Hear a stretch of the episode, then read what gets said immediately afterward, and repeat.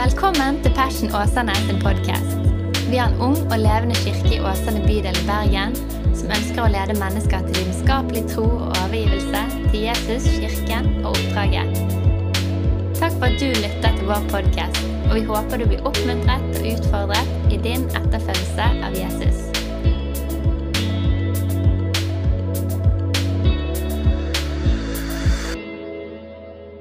Kjenner jeg har gledet meg til å komme sammen i dag. Jeg, eh, jeg, eh, altså jeg er jo Av person så elsker jo jeg det kristne fellesskapet. Så dette, Hvis jeg har en helg full av møter, da har unge Sæbjørnsen det godt. Jeg er fortsatt ung, selv om jeg er 30. Da har jeg det veldig fint. Så denne helgen her er jo fullstappet for min del. Eh, jeg hadde gleden av å, å være på en øy nesten borte i England, eh, nede med Stavanger, eh, og preke på en sånn ungdomshelg der, så det var veldig kjekt. I fredagskveld og lørdagsmorgen. Og så satte jeg meg på flyet, men jeg flyr jo for Jesus, så da er det alltid grønn flygning. Eh, så da etterlater ikke noe klimaavtrykk. Så flydde jeg opp igjen her, og så er vi her i dag og skal inn til Norheimsund i kveld. og snakke snakke for eh, ungdommen inne i Hardanger. Så det blir veldig kjekt. Snakke om hvem er Jesus. Så dette Gutten har det godt, for jeg har vært på mange møter. Jeg forstår at jeg er annerledes enn folk flest der. De syns at eh, det er nok med ett møte i uken. Det er altfor lite, mener jeg. da. Men uansett. Det er så kjekt å være sammen. Åh, mitt hjerte er fullt, altså. Godt, godt. Og, og eh, sagt det mange ganger før, men min utfordring i livet det er at idet jeg skal preke og komme opp og ser ansiktene deres, så kommer assosiasjonene og tankene som gjør at det ofte tar litt lang tid før jeg kommer til preken. Men jeg Kanskje klarer det bedre i dag. Men uansett, godt å være i lag. Og eh, jeg har bare lyst til å dele ett vitnesbyrd med dere. Nå ble det åpnet litt opp for det, men I helgen så hadde jeg gleden av å, å forkynne Guds ord, og så prekte vi om, om, helbredelser i går. Og fikk eh, de ulike ungdommene til å be for hverandre. Og Dette var jo litt som bedehusland, så dette, vi var litt forsiktige, men eh, vi gjorde det på en trygg og fin måte. Og så eh, delte jeg det vitnesbyrdet som jeg delte i forrige tale jeg hadde der. Husker dere at jeg hadde vært på en ungdomsfestival så var det en som hadde nedsatt syn? som ble veldig mye bedre, og smertene forsvant. og sånn, Så delte jeg det vitnesbyrdet. Og så fikk jeg de som hadde vondt i kroppene sine til å reise seg, og så kunne de rundt ligge labbene på de og be for dem. Men så turte ikke denne personen å gjøre det. da. Men så var det én lovsang etter jeg hadde prekt.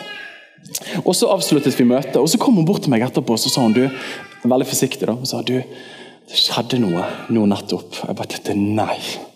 Har jeg sagt noe stygt nå? Og så sa hun nei, under lovsangen, når jeg åpnet opp øynene etter siste lovsangen, da så jeg plutselig klart igjen. For at Hun gikk tredje klasse på videregående, da, og siden barneskole så har hun slitt med sånn samsyn, blurry vision. da. Og Jeg vet ikke om det var helt restaurert, men hun sa at idet jeg åpnet øynene, så så jeg plutselig klart igjen. Det var Ingen som hadde bedt for henne, vi ba en kollektiv bønn for alle. Men er ikke det fantastisk? Tenk å få lov til å følge en sånn Jesus. Det står i evangeliene at etter han gjorde noen friske, så, så sa folket han har gjort alle ting vel. Jeg tror på en Gud som ikke undertrykker og ødelegger og dreper mennesker, men en som vi kan si det å følge Jesus. Han har gjort livet mitt vel. Og ikke minst vellere. Det er jo ikke et ord. Bra mamma ikke er her, da har noen rettet meg. Men det har blitt bedre enn det det hadde vært om jeg ikke fulgte han. Så En dag skal det bli fullkomment når vi kommer hjem. Det er ikke fantastisk? Åh, I'm home. Det er godt å være hjemme. Jesus, vi takker deg for disse øyeblikkene her, og vi ber, Herre, du Gud den hellige ånd, om at du kommer og er blant oss. Vi har merket ditt nærvær. Og vi ber om at disse øyeblikkene vi nå deler rundt ditt ord, at du skal tale til oss, at du skal røre ved oss. I Jesu navn. Jeg ble så minnet på en ting. Kan vi bare gjøre det? Dette er sånn jeg gjør når jeg er ute og reiser. Men jeg tenkte jeg skal bli enda friere hjemme. Men kanskje den siste sangen vi sang, skal vi bare synge den a cappella en gang? For han er underfull og verdig lov og pris. Lammet på sin trone og fram til Han vil vi komme med vår sang. For lammets tro neste år. For ære,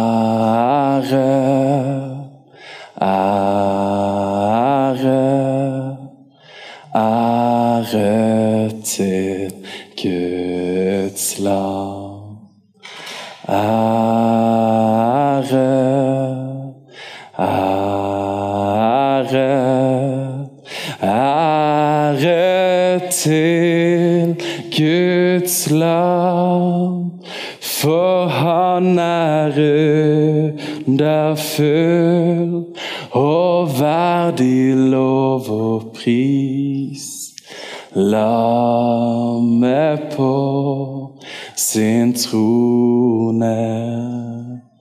Og fram til Han vil vi komme med vår sang. For lammets trone står. Amen. Tusen, tusen takk. Det er Jesus det handler om. Kjente på det under lovsangen at uansett hvor kul vi måtte være, uansett hvor kult vi måtte kle oss, om man måtte ha huet på som predikant, så er det Jesus det handler om. Og vi kommer aldri til å unnskylde oss for det. Jeg synes Det var så fint når Mathias var under lovsangen òg, det å våge å stoppe litt opp og si at Herre, vi verdsetter ditt nærvær. Og ikke skynde seg videre, for det er han som er hovedpersonen. All right. Du kan få si et forsiktig amen hvis du er enig. Takk. Du, I dag så hadde jeg egentlig planlagt å preke om noe annet. Men siden vi er en åndsinspirert menighet, så ble det noe litt annerledes. Lurt på, Er det noen som har lyst til å lukke dørene der bak, sånn at vi får litt som eh, For min egen tanke får jeg fred og ro. Jeg vet ikke om du har det sånn når du ser på TV og så er døren åpen inn til stuen eller rommet, så kjenner du at det er en dissonans. Be for meg. Men uansett, Vi har hatt en serie nå der vi har snakket om de grunnleggende verdiene i det kristne fellesskapet. Som vi ønsker skal prege oss som mennesker, men også som menighet. At Vi ønsker å være evangeliesentrert, vi ønsker å være disippelorientert, vi ønsker å være misjons fokusert nesten i dag, gå hjem og hør podcasten, og vi ønsker i alt dette å være åndsinspirert. Og så har vi tenkt utover denne høsten her, og jeg pleier å ha ganske strengt regime på hva vi preker om, for jeg pleier å forberede seks måneder i forveien. Men vi skal snakke litt om naturlig og overnaturlig, få noen spennende besøk. Annet tilsynsmannen vår Håvard Berger kommer og deler for oss. kommer til å bli veldig bra. Og så har vi òg noen del ledige søndager som er veldig gøy. da. Så jeg kjenner at Denne høsten så har vi litt mer sånn spontant rom, og det er viktig. Men så hadde jeg tenkt å snakke om økonomi i dag, og snakke om penger. og Vi tenkte vi skulle ta opp syv offer i dag. Men så kjente jeg rett før når jeg forberedte meg i uken at nei, det er noen andre ting vi må snakke om. For På tirsdag så hadde vi ledersamling i fellesskapet. Og da nevnte jeg fordi at Dere har jo sikkert merket kjære lederteam, og de har vært informert om det, at vi har litt mer liturgi på gudstjenestene våre. og Håper ikke at dere begynner å få kalde føtter. Og Så fikk vi en fin samtale rundt det. Og så sa de Daniel, dette må du snakke om til fellesskapet. da. Og så kjente jeg vet du hva, ja, det tror jeg faktisk jeg skal ta og gjøre. Så i dag har jeg lyst til å dele om disse enkle ordene, men det å være rotfestet og radikal på samme tid. Og Dere har sikkert merket det forhåpentligvis, at når vi har feiret nattvær, som vi gjør annenhver søndag, så har det vært litt mer rammer rundt det. Eh, og Vi har ikke helt drillet møtelederne våre, så vi, vi, jobber liksom med å jobbe oss litt inn i det. Men i forhold til det som har vært, der det har vært liksom, nå kommer oblatene og, og, og vin rundt, eh, alkoholfri, vel å merke, alltid viktig å påpeke så har vi liksom lest eh, ordet, og så har vi gått rett til nattværen. Men det har funnet sted litt endring i det jeg kaller liturgi og gudstjenesteordning.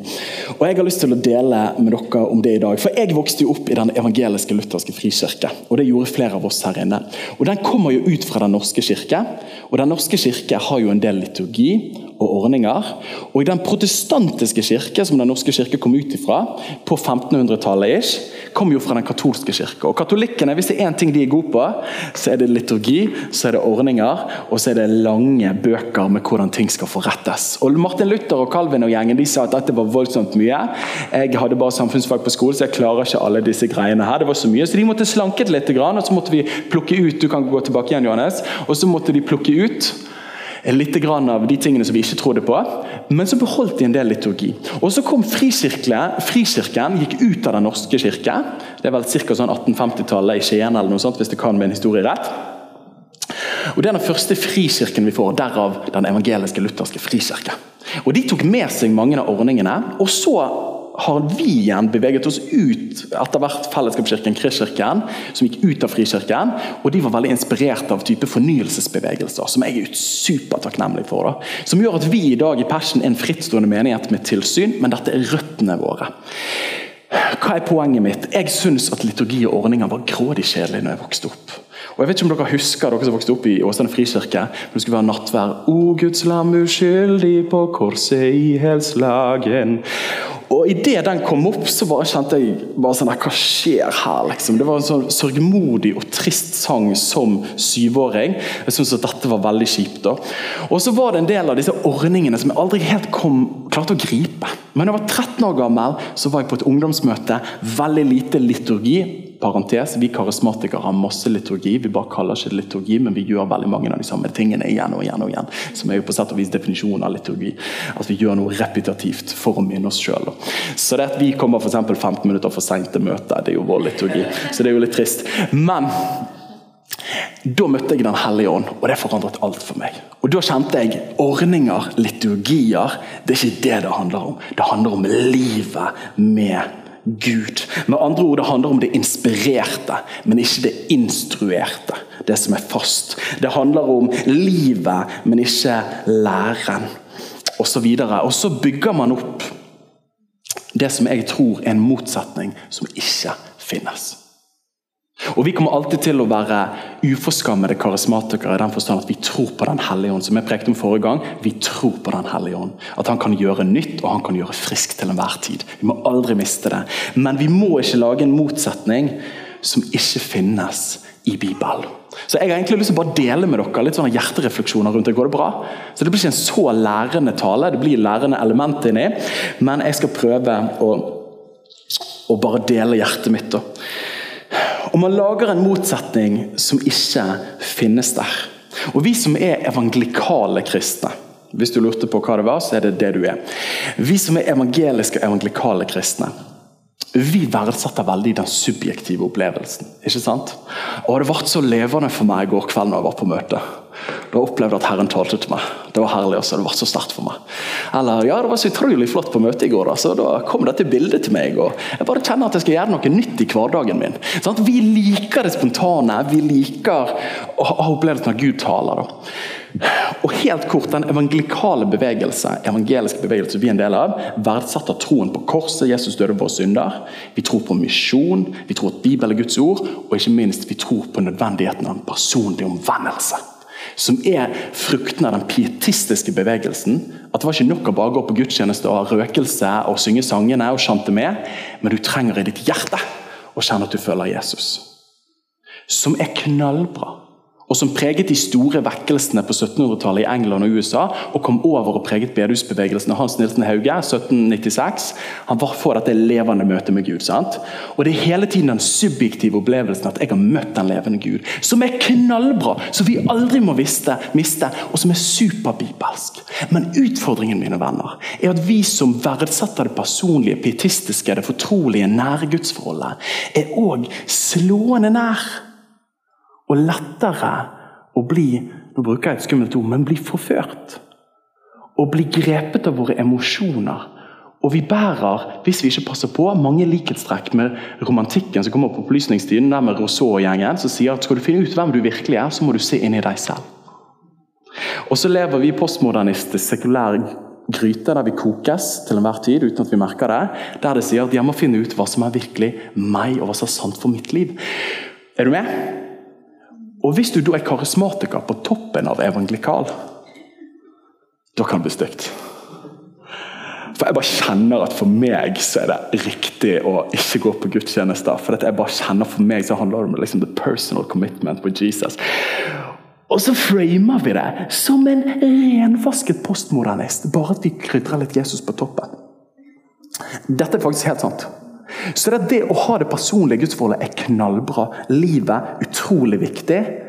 Men det må balanseres med andre sannheter i Skriften. Hvis ikke så ender, og dessverre etter å ha vært ungdomsleder og har hatt mange venner jeg har løpt sammen med, så ser jeg at hvis du bare har liksom fått The Holy Ghost og inspirasjonen, men du ikke er forankret i instruksjonen som finnes i Guds ord, så ender du fort opp med at ja, men da må jo homofilt samliv det må jo være greit, for jeg føler Mine venner, det er bra å føle, men det finnes noen begrensninger og premisser vi skal føle innenfor, som Guds ord gir oss.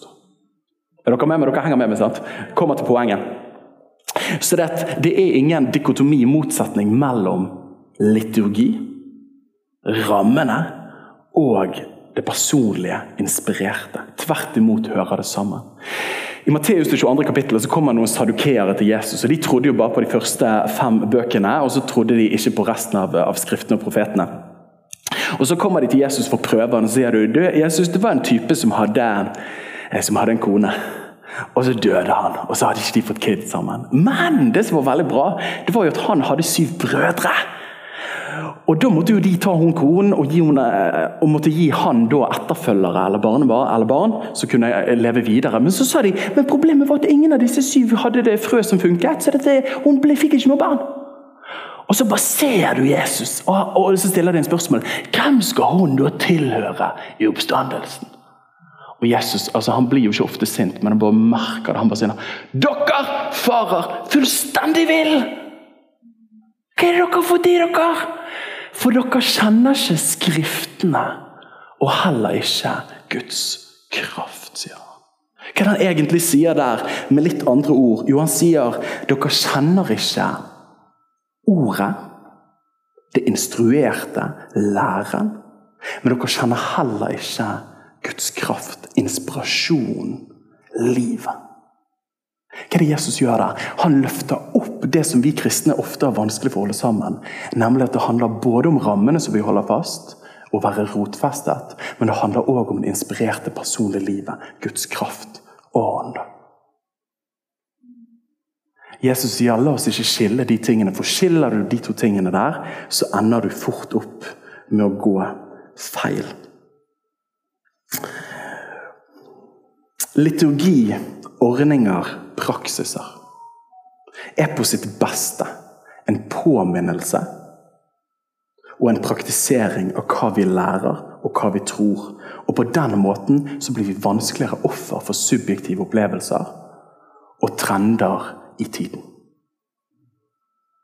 Så liturgi på sitt beste er som en vei som sier at dette er veien som leder til fellesskap med Gud, som leder til det gode livet. Og minner oss.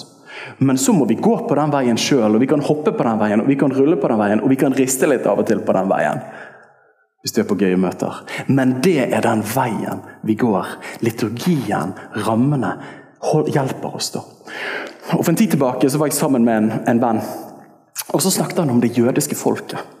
Og så sa han, er ikke det fascinerende med det jødiske folket at leser du deres historie, så har de blitt forfulgt, marginalisert og undertrykket i så mange generasjoner.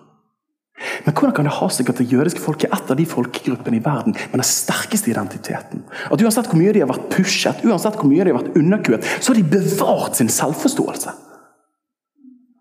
Jo, så sa han, pga. at de har hatt en fortelling som de har repetert gang på gang på gang på gang hver sabbat, hver høytid, så minner de seg sjøl om det Gud har gjort. Og hvem Gud fortalte de at de skulle være som et folk. Så Uansett hvilke narrativer, fortellinger og trykk fra utsiden, så har de hatt en mer levende fortelling på innsiden som har gitt dem identitet og tilhørighet. Er dere med meg?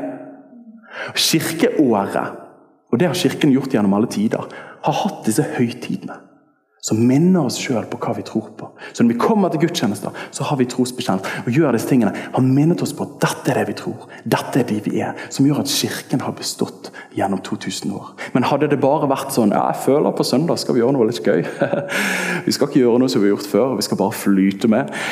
Det er kjempebra, men da hadde nok vi ikke vært her i dag. True story. Er dere med meg? Det å være rotfestet og radikal på samme tid hører sammen. Jeg har sagt det sånn som dette her, at hvis du bare har ordet, så tørker det opp. Har du bare rammene og de tingene, så blir det tørt. Død ortodoksi er forferdelig kjedelig. Det var det jeg vokste opp med for min egen del. Jeg synes det var kjedelig med disse rammene. Har du bare ordet uten ånd, tørker det opp. Hvis du har ånd uten ordet, sprenger det opp. Men har du både ordet og ånd, så vokser du opp. Og For meg så ble det en øyenåpner for et lite år siden. Når det slo meg at jeg hadde jo vokst opp med den apostoliske trosbekjennelsen på de fleste gudstjenester jeg var på så liten. Og Jeg la ikke så veldig mye i den. Jeg tror på Gud Fader, den allmektige, jeg tror på Jesus Kristus. Men så slo det meg mine barn er nå blitt Anna blitt snart fire år gammel. Og hun har aldri hørt den apostoliske trosbekjennelsen! Går det an, liksom? Jeg har sviktet i mitt foreldreoppdrag og i trosoppdraget. Nå overdriver jeg litt, vi har gjort mye annet bra. Men så kjente jeg det er jo ikke bra. Sånn kan jo ikke det være. For Selv om jeg ikke la så mye i det når jeg var liten, men jeg har jo kunnet dette på rams, trosbekjennelsen. Og dette har Kirken bekjent tilbake til år 300 og tidligere enn det. Og Sammenfattet kjernen i den kristne tro. sånn at Uansett hvilke vranglære, uansett hvilke trykk som måtte komme fra utsiden, så kunne man si 'Jeg tror på Gud Fader'. Og så tenkte jeg, jeg som bygger menighet og reiser rundt og preker og bare liksom kjempekul Jesus-faktor men ungene mine har ikke hørt den apostoliske trosbekjennelsen fordi vi er så kule at vi ikke holder på med de tingene lenger. Og jeg kjente meg convicted. Altså at det går ikke an. Og så måtte Gud begynne å ta tak i mitt liv og rive opp den forestillingen at det er motsetning mellom å være liksom et levende gudsliv og det å delta i en liturgi. For det er ingen motsetning, som jeg har prøvd å understreke flere ganger. Henger dere med meg? Er ikke dette litt interessant? Jeg hadde aldri trodd jeg skulle si dette her for en del år siden. Så det som skjer nå, er historisk. Så jeg følte at når jeg preker om liturgi, så må jeg preke med lue på. Bare for å ikke bli for for stiv, liksom. Så jeg bryter litt normene samtidig for å være tro mot den jeg er. Ja, men du, For å oppsummere hovedgrunnene, hvorfor ønsker vi å ha litt mer gudstjenesteordning og liturgi? Det første det er bibelsk. Hovedgrunnen det kommer alltid til å være det viktigste for oss. Det er bibelsk. Hva mener du med det, Daniel? Jo, som jeg har påpekt, Det gamle testamentet er fullt av påbud og påminnelser og hvordan Gud gir jødefolket høytider. Han gir dem ritualer og praksiser og ordtak som de skulle repetere ukentlig og månedlig gjennom de ulike høydene. Hvorfor det? Som jeg påpekte, For å minne dem på hvem Gud var, hva Gud hadde gjort, hvem de var som folk, og hvor de var på vei hen. Så liturgi rammer ordninger lære hjelper oss framover. Og Noe av det som støtter meg mest, og husker for en del år siden når jeg var i ungdomslederteamet i ungdomsarbeidet Kristkirken, så kom Kristoffer Karlsen, som var en av ungdomslederne der. Og så sa han til meg Daniel, jeg begynner å få sansen for nedskrevne bønner. Og jeg bare I Jesu navn, vik bak meg, Satan. sant? Eh, sa ikke det, men jeg tenkte det. Jeg bare tenkte, Hvis du virkelig er en karismatiker, så trenger ikke du nedskrevne bønner. For du har jo Den hellige ande på innsiden, og du kan jo bare shabba dabba du, altså Du kan bare gå rett til troen. Og Gjett om jeg ble støtt med årene når jeg fant ut at Jesus sa i Lukas 11 når dere ber, skal dere si 'Vår Far, du som er i himmelen'. Nei, Jesus, du gir jo det en nedskrevet bønn! Det er jo ikke greit. Og jeg som hadde elsket Feserbrevet, det første kapittelet sant? og det tredje kapittelet, liksom de apostoliske bønene og Jeg bare Nei, jeg kan ikke be de lenger! Det er jo nedskrevne bønner! Og da måtte jeg krype til korset og si at Herre, jeg forstår at du kan virke gjennom det inspirerte og det instruerte og ferdigformulerte. Hva er greien? Vi alle, De lovsangene vi har på skjermen, her er jo nedskrevne bønner, de òg. Så dette, jeg ble jo convicted. For dette går an å be nedskrevne bønner. Det er lov. Så dette, det er bibelsk, og det beste er jo at Jesus og disiplene hadde mye liturgi. Altså, Nå får du rykninger, liksom negative tidsrykninger hvis du er karismatiker. Men det står jo om påskemåltidet. Det står at de sang lovsangen. Så sto det i en liten sånn stjernefotnote en gang for meg. Det er vel, De sang salme 113-118. Jeg bare Nei! De kan ikke gjøre det. De ba jo i tunger. Nei, de gjorde ikke det! De sang den jødiske liturgien som de hadde gjort i flere århundrer og årtusener. For de minnet seg sjøl på hvem Gud var og hva han hadde gjort. For de trengte det, sånn at det ikke bare var det subjektive. Jeg bare hva skal vi gjøre i dag, liksom? Nei, de minte seg sjøl om det Gud hadde gjort, og levde i rytmene, for de var rotfestet. Åh! Så det er bibelsk. Det er grunnen til at vi ønsker å gjøre det. Og De første kristne de tok de jødiske tradisjonene som påske. Fylte det med nytt innhold. Nå var det ikke bare lammet som ble strøket på dørkarmene. Nå var det Kristus som døde. Pinse det var ikke bare innhøstningsfest. Nei, nå var det at Den hellige ånd kom. Ja, De feiret ikke sabbat, men de feiret søndager, som var oppstandelsesdagen. Og Istedenfor synagoge så var det menigheten, de hellige samfunn. Er du med meg? De hadde veldig mye rytme. Og Leser du fra Didasje, som en av de oldkirkelige skriftene, der det står på hvordan møtene var ordnet, de hadde jo liturgi. Og likevel vekket de opp døde og kastet ut demoner for en del år siden. Jeg bare Dette går ikke opp! Men nok en gang det går opp. da. Så det er bibelsk. Det andre er at det er kirkelig tradisjon. Det er kirkelig tradisjon. Du og meg vi er ikke katolikker, Og vi kommer aldri til å bli katolikker. Katolikkene tror på Skriften og tradisjon. Det er likeverdige størrelser for å kjenne Guds vilje. Vi tror som reformatorene Skriften alene, sola scriptura. Men så sier min gode venn Dag Martin Østevold, som er teologimentoren min, så sier han men Skriften står da aldri alene. Og det er jo helt sant. Skriften er øverste rettesnor for liv og lære. Men det er ikke sånn at Skriften er i et vakuum. Nei, trofaste, helhjertede kristne har gjennom alle tider prøvd å fortolke og praktisere Bibels ord. Som gjør at de har hatt noen rytmer, noen liturgier, noen ordninger for å praktisere ordet. Er dere med meg? Og da å komme i dag og si at hei, vi har iPhone 14. Så vi trenger ikke å lære fra det kirken har gjort før, for vi vet så mye bedre. Det er det vår samtid sier i dag på alle andre områder. Det kaller C.S. Lewis kronologisk snobberi. At vi tror at bare tiden går framover, så vet vi bedre. Jeg mener at en krig i Europa akkurat nå forteller at vi ikke vet bedre. Så dette er kronologisk snobberi. Vi er ikke så fantastisk flinke og smarte at vi ikke trenger å lære de så godt før. Tvert imot, vi trenger å lære masse. Og når kristne gjennom alle tider har funnet det nødvendig å bekjenne 'jeg tror på Gud Fader', når de har funnet det nødvendig å feire nattverd med noen rammer rundt for å minne dem på hvorfor vi feirer nattverd, så er ikke vi så smarte at vi kan bare spørre Siri om hvorfor vi gjør det. Nei, vi trenger å ha disse rammene, vi òg. Så dette er kirkelig tradisjon. Du kan få si amen. Bra, jeg liker engasjement. Det tredje er pedagogisk. Det er veldig pedagogisk å ha liturgi og rammer. Før sommeren så hadde jeg siste tale som het 'Vaner som vinner'. Der jeg, form, der jeg sa at du former vaner, men så ender vaner opp med å forme deg. Du former vaner, så ender vaner opp med å forme deg. Det du repeterer, det husker du. Og det du husker, det ender opp med å prege måten du tenker på og måten du lever på. Så det er veldig, veldig pedagogisk. Og det er jo noe av greien. Når vi kommer sammen sånn som dette, og hører forkynnelse, så er ikke det bare for å gi oss inspirasjon. Men det er òg for å lære oss opp i hva vi tror, og på hvem vi tror. For det som hjerte, bevar ditt hjerte framfor alt du bevarer, for livet utgår fra det. Så det du fyller i ditt hjerte, det vil diktere livet. Så det er veldig pedagogisk å gjøre det. Veldig, veldig pedagogisk. Og her må jeg si at Jesus han sier i Markus det andre kapittelet Da har disiplene de har tatt disse kornaksene inn i fingrene, og det er sabbat. sant? Så fariseeren de ser jo rødt og begynner å cancel culture dem. Og så kommer Jesus til dem og så sier han, hei folkens. Og de bare 'Hvorfor spiser disiplene dine det som ikke er lov på sabbaten?' Og så sier han, 'Hei, jeg er større enn sabbaten.'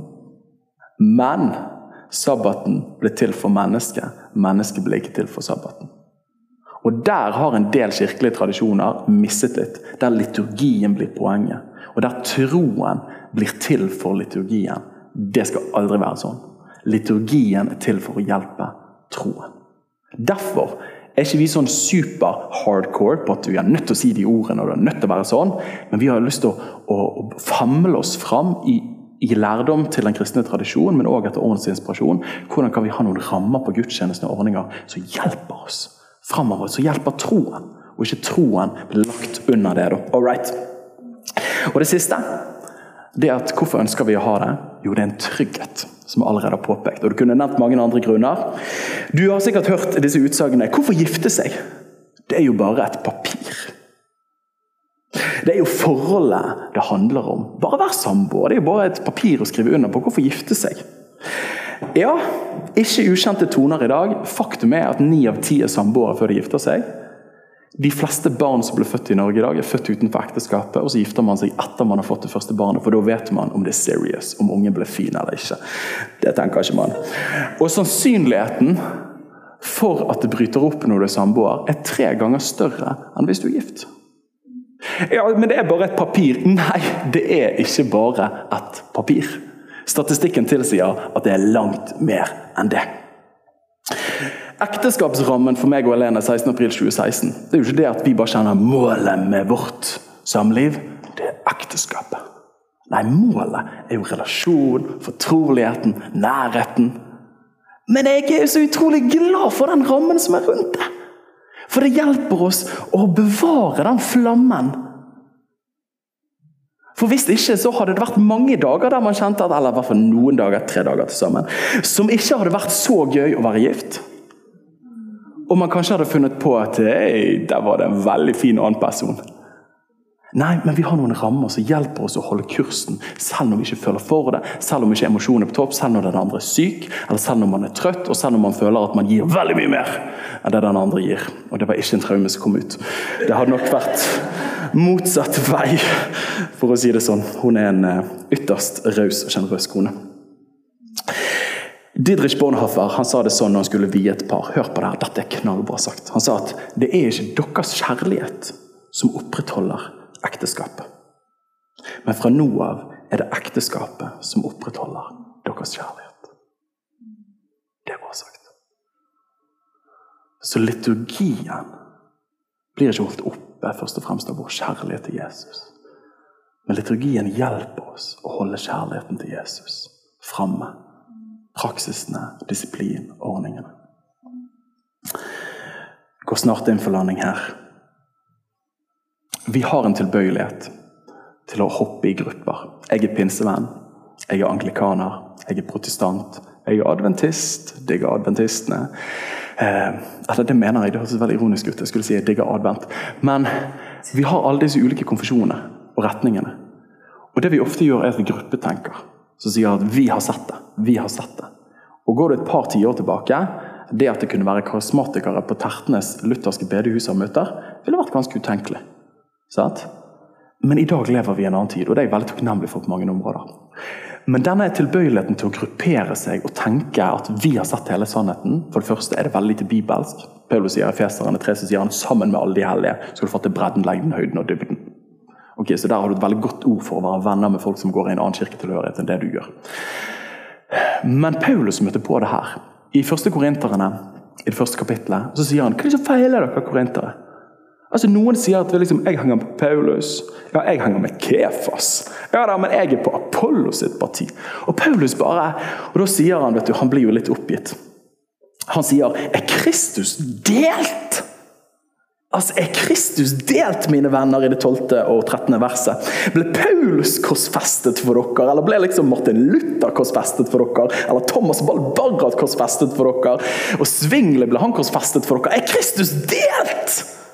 Eller ble dere døpt til Paulus sitt navn? Og så sier han i det tredje kapittelet, Derfor må ingen rose seg av mennesker, for alt er deres. Enten det er Paulus eller Apollos eller Kephas eller verden eller liv eller død. Enten det er nåværende eller det som skal komme. Alt er deres! Men dere tilhører Kristus, og Kristus tilhører Gud. Og Grunnen til at denne teksten er så viktig for meg, var at når jeg gikk på videregående og studerte teologi, så var det i de kretsene jeg var i, så var det Er du Hillsong-type? Går du med trange bukser og er opptatt av kommunikasjon på møtene? At folk skal forstå det som blir sagt? Eller er du baffle-type, der det bare er glory cloud, liksom? sant? Og der var jo jeg litt sånn baffle-type, helligånd-person. Og så kjente de ja, men vi er så mye bedre enn dere, vi forstår det bedre enn dere. Vi kjenner jo tross alt Gud, liksom. Og så kommer de bare sånn Hei, dere hadde sikkert superfett på møtene deres, men det er ingen på møtene deres fordi dere er kjemperare. Og så endte man opp liksom med denne motsetningen her. Og da husker jeg en gang at Herren tok meg til dette ordet, så sa han Daniel, det dere holder på med nå for tiden, er akkurat det samme som der. Jeg, henger med Bethel, jeg henger med Hillsong. Ja, jeg henger med Paulus, jeg henger med Kefas. Og så sier han, er du helt dum, eller? Sier Paulus. Er Kristus delt? Forstår du ikke at Kristus er i alt dette?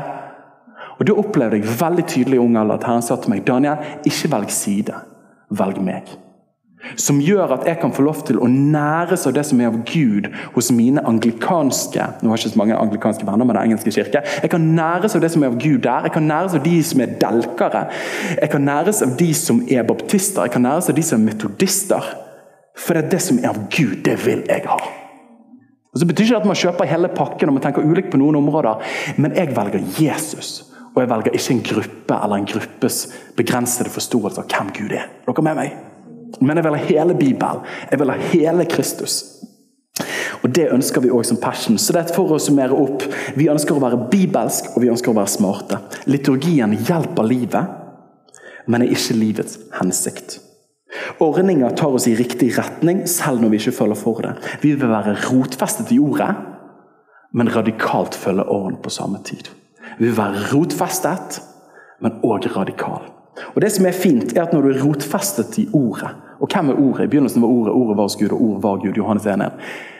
Vi ønsker å være rotfestet gjennom læren i Kristus. Kristus er ordet, Kristus er roten.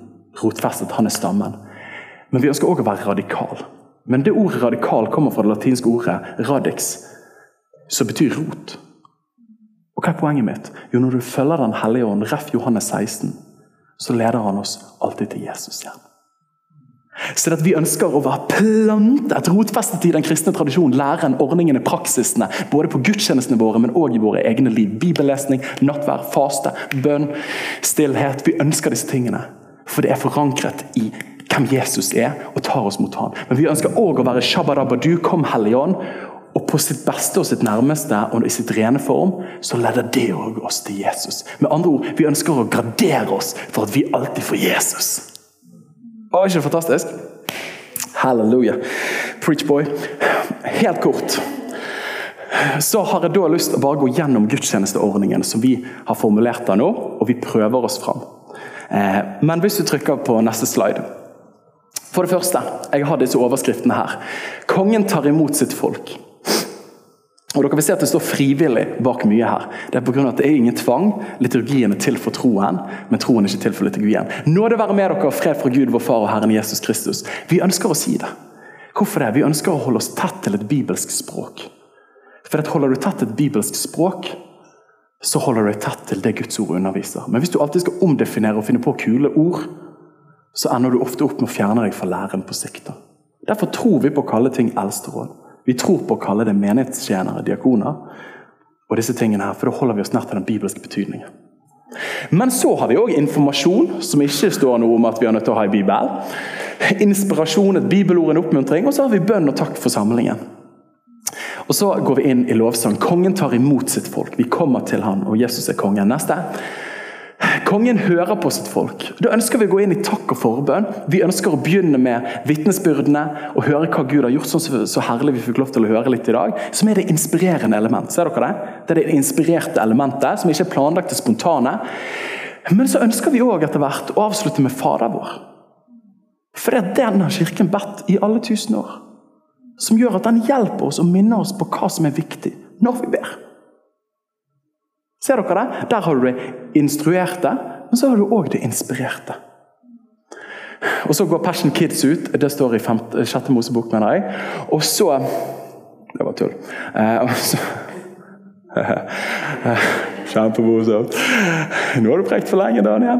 Eh, så er det visjon, og så er det informasjon. Og så tar vi opp en kollekt. Og Det skal vi snakke mer om økonomi de neste ukene. Men jeg tror på og gi penger.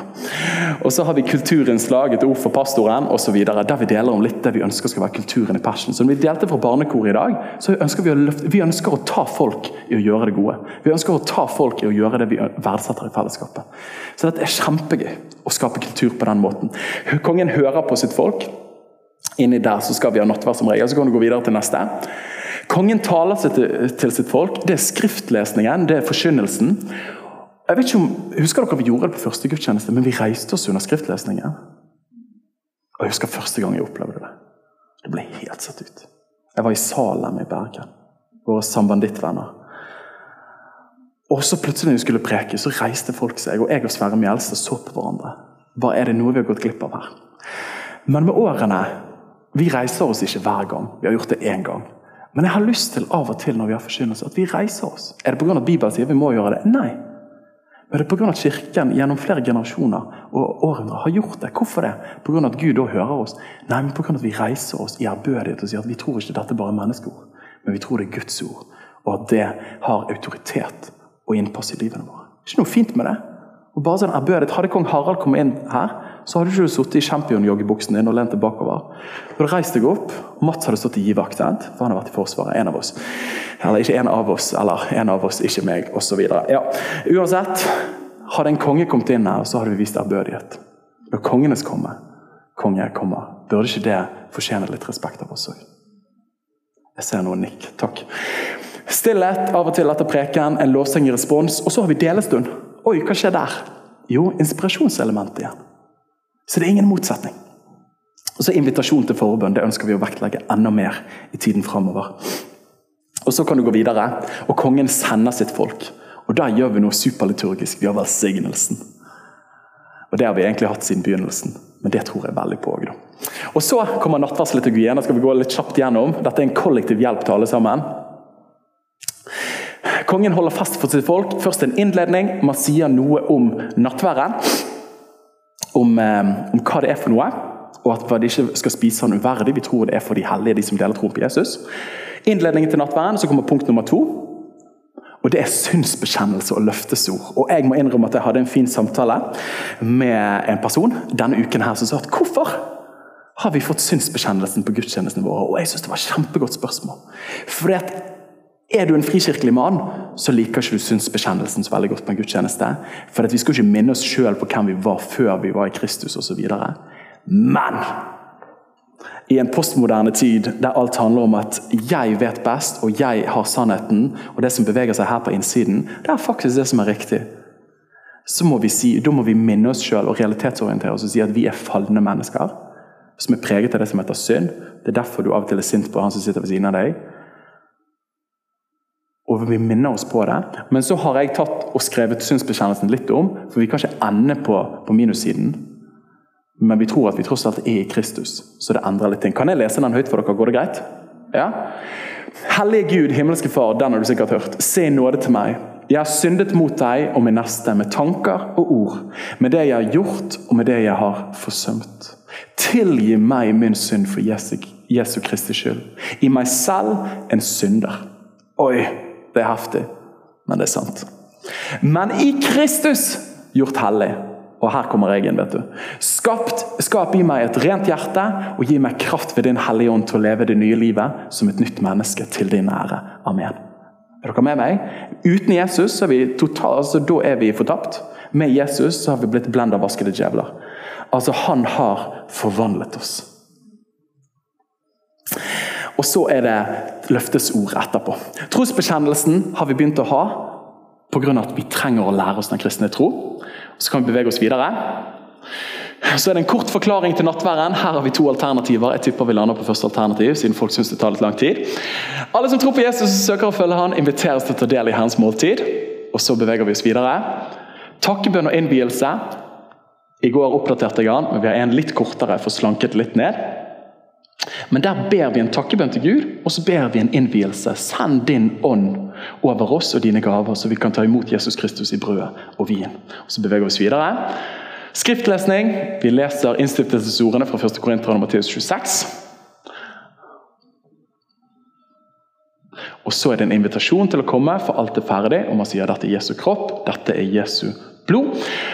Og så er det til slutt tilsigelsesord der man får høre at den korsfestede oppstanden av Jesus Kristus har gitt oss sitt hellige legeme og blod. Og med det har han sonet alle våre synder, hans styrke og holder oss oppe i en sann og levende tro til det evige liv.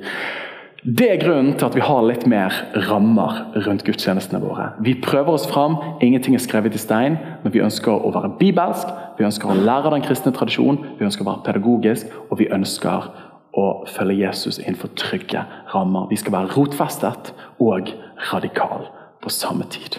Ordet og ånd. Amen! Var ikke dette bra? Det viktig? Takk. Hvis du klapper, så får du klappe ordentlig. Da kan, vi, da kan vi ta og be. Eller vi kan klappe. Dere kan gjøre hva dere vil. Dette blir rart. Ehm, men du, da ber jeg en bønn, og så går vi inn i en lovsang. Og så um, er det forbønn her etterpå. Så er det masse mat etterpå til å bare kose seg og være igjen. I Jesu navn. Kanskje vi reiser oss, og så står vi i respekt for Han vi tilber og tjener og følger. Jesus, vi takker deg fordi at du er det levende ordet. Du er òg det skrevne ordet, men du er òg det levende ordet. Du er den Gud som har åpenbart hvem du er i Bibelen, men òg åpenbart hvem du er i åren. Vi ønsker å være hele, balanserte kristne som har en bibelsk balanse, der vi har både ordet og årene. Så gjør oss til sånne mennesker, og gjør oss til en sånn menighet, Herre. I navnet Jesus Kristus. Amen. Takk for at du lyttet til vår podkast. Hvis du synes det var bra, så del den gjerne med noen flere. Vil du vite mer om hvem vi er, hva som skjer, og kanskje besøke en av våre gudstjenester? Se vår nye hjemmeside på fashionåsane.no, eller følg oss på sosiale medier. Helt til slutt, ta imot Herrens velsignelse. Herren velsigne deg og bevare deg. Herren la sitt ansikt lyse over deg og være deg nådig. Herren løfte sitt åsyn på deg